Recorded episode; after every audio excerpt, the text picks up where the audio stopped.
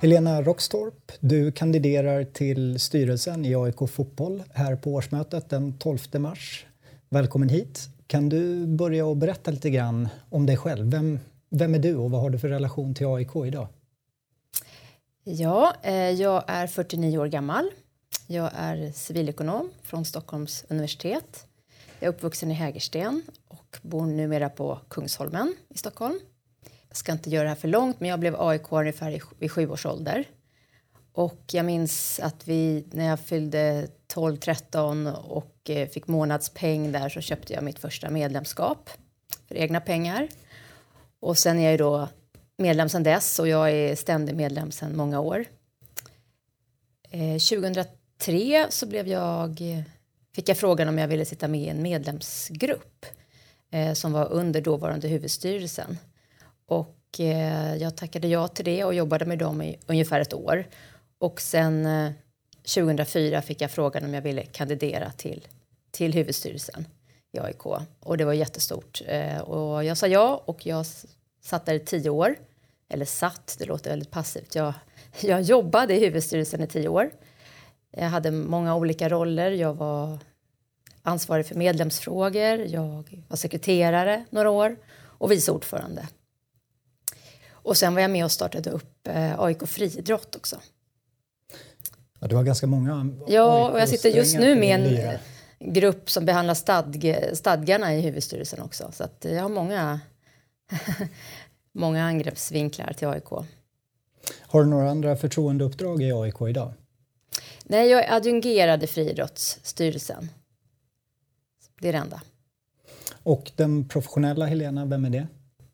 Eh, professionellt så eh, jobbar jag numera som eh, programchef på Teknikföretagen som är ett av Sveriges största, en av Sveriges största arbetsgivarorganisationer.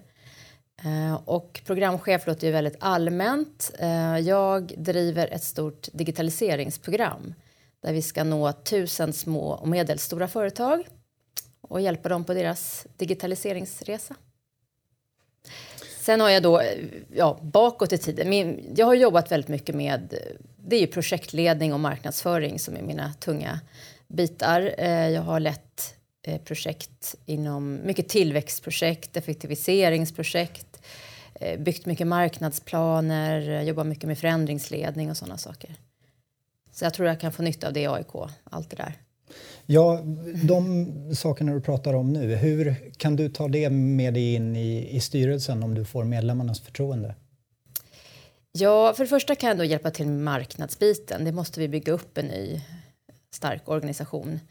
Eh, men eh, som projektledare är man ju van att sätta mål eh, och man är van att man säkerställer genomförande. Så det tror jag är viktigt och det kan jag bidra med. Är du en bra kravställare då? Eh, ja, det skulle jag säga.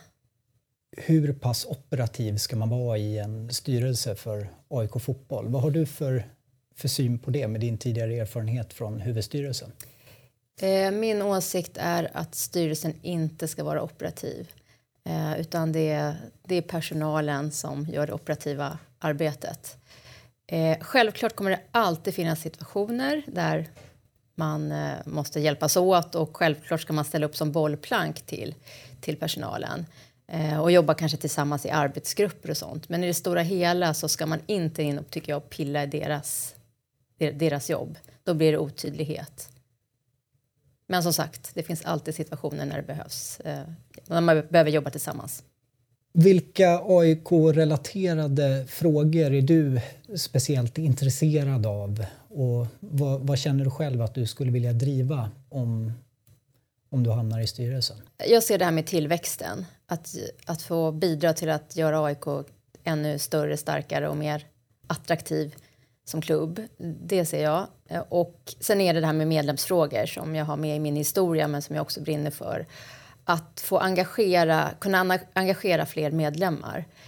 Eh, det är väldigt lätt att vara, för en medlem eller en supporter, att vara eh, att klaga och, och, vara kritisk. Men vi måste hitta former för att kunna engagera dem så att vi att få dem att kavla upp ärmarna och, och hjälpa till istället för bara bara vara en sån som har, vara sådana som har åsikter.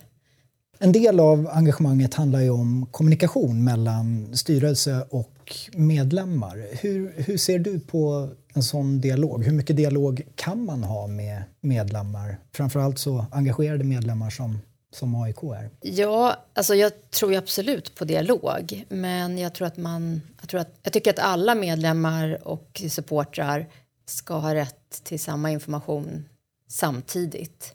Det är min grundinställning. Det har ju funnits diskussioner och, och viss, till viss del kritik som åtminstone jag har uppfattat där vissa ser det som att eh, supporterföreningar har blivit förfördelade i just den här typen av kommunikation som du pratar om. Hur ska man se på det om vi har supporterföreningar i ena änden med kanske väldigt, väldigt engagerade supportrar som är nära föreningen och vanliga, om vi får säga så, medlemmar å andra sidan.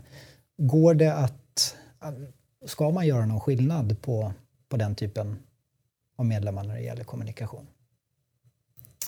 Eh, grundinställningen är att alla ska ha samma information men ja, jag, det där skulle jag verkligen vilja sitta ner och diskutera med blivande kollegorna om det blir så. Eh, exakt former och så vidare. Så att jag passar lite på den.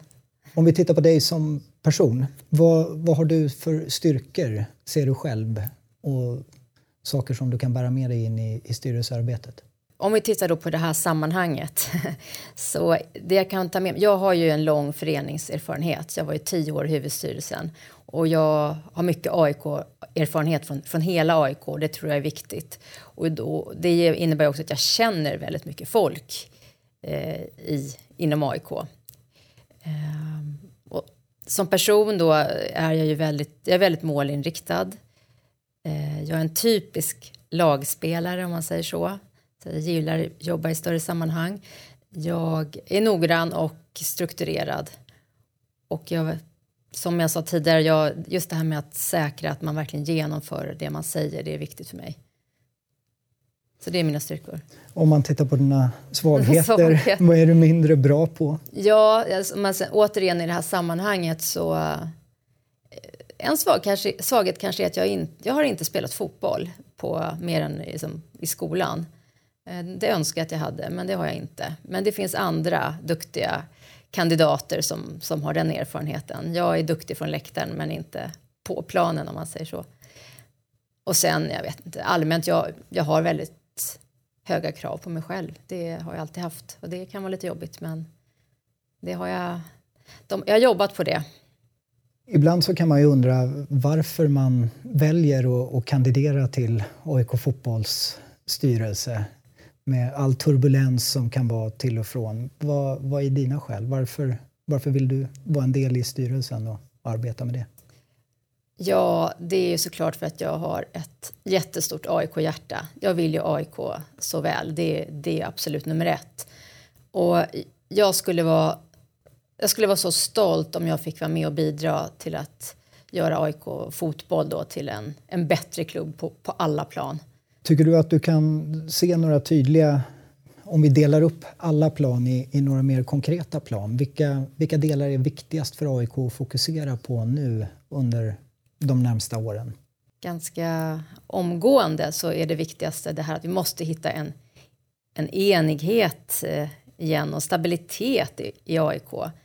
Hitta ett arbetsklimat som är värdigt våran klubb eh, och visa varandra respekt. Eh, så som det har fungerat, eh, inte bara nu under, utan kanske lite längre tid. Det, det är inte okej. Okay. Vi, vi, vi, vill ju samma sak egentligen, skulle jag säga, och allihop. Och vi måste hitta gemensamma vägar dit.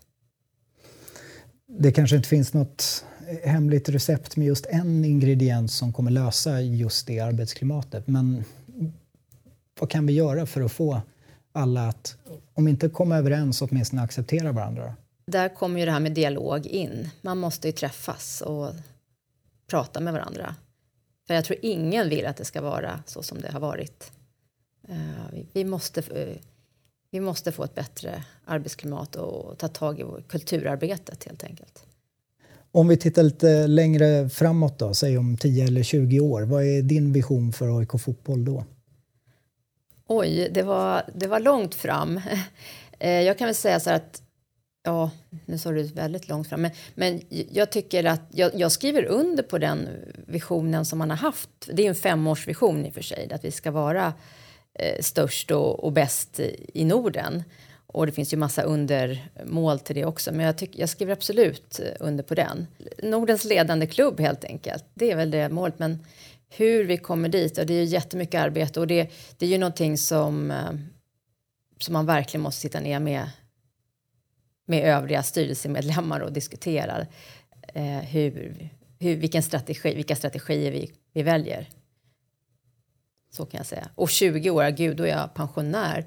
Ah, så långt har jag inte tänkt faktiskt. Nej. Och slutligen, varför ska medlemmarna rösta på dig på måndag den 12 mars? Man ska rösta på mig för att eh, för att jag har en gedigen föreningserfarenhet. Jag har en gedigen AIK-erfarenhet. Jag har ingen egen agenda. Jag vill verkligen bara AIK väl.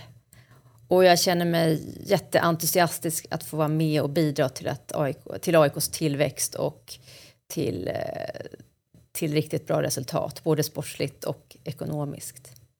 Helena Rockstorp, tack så mycket för att du kom hit och vi ses på årsmötet 12 mars. Det gör vi. Tack så mycket.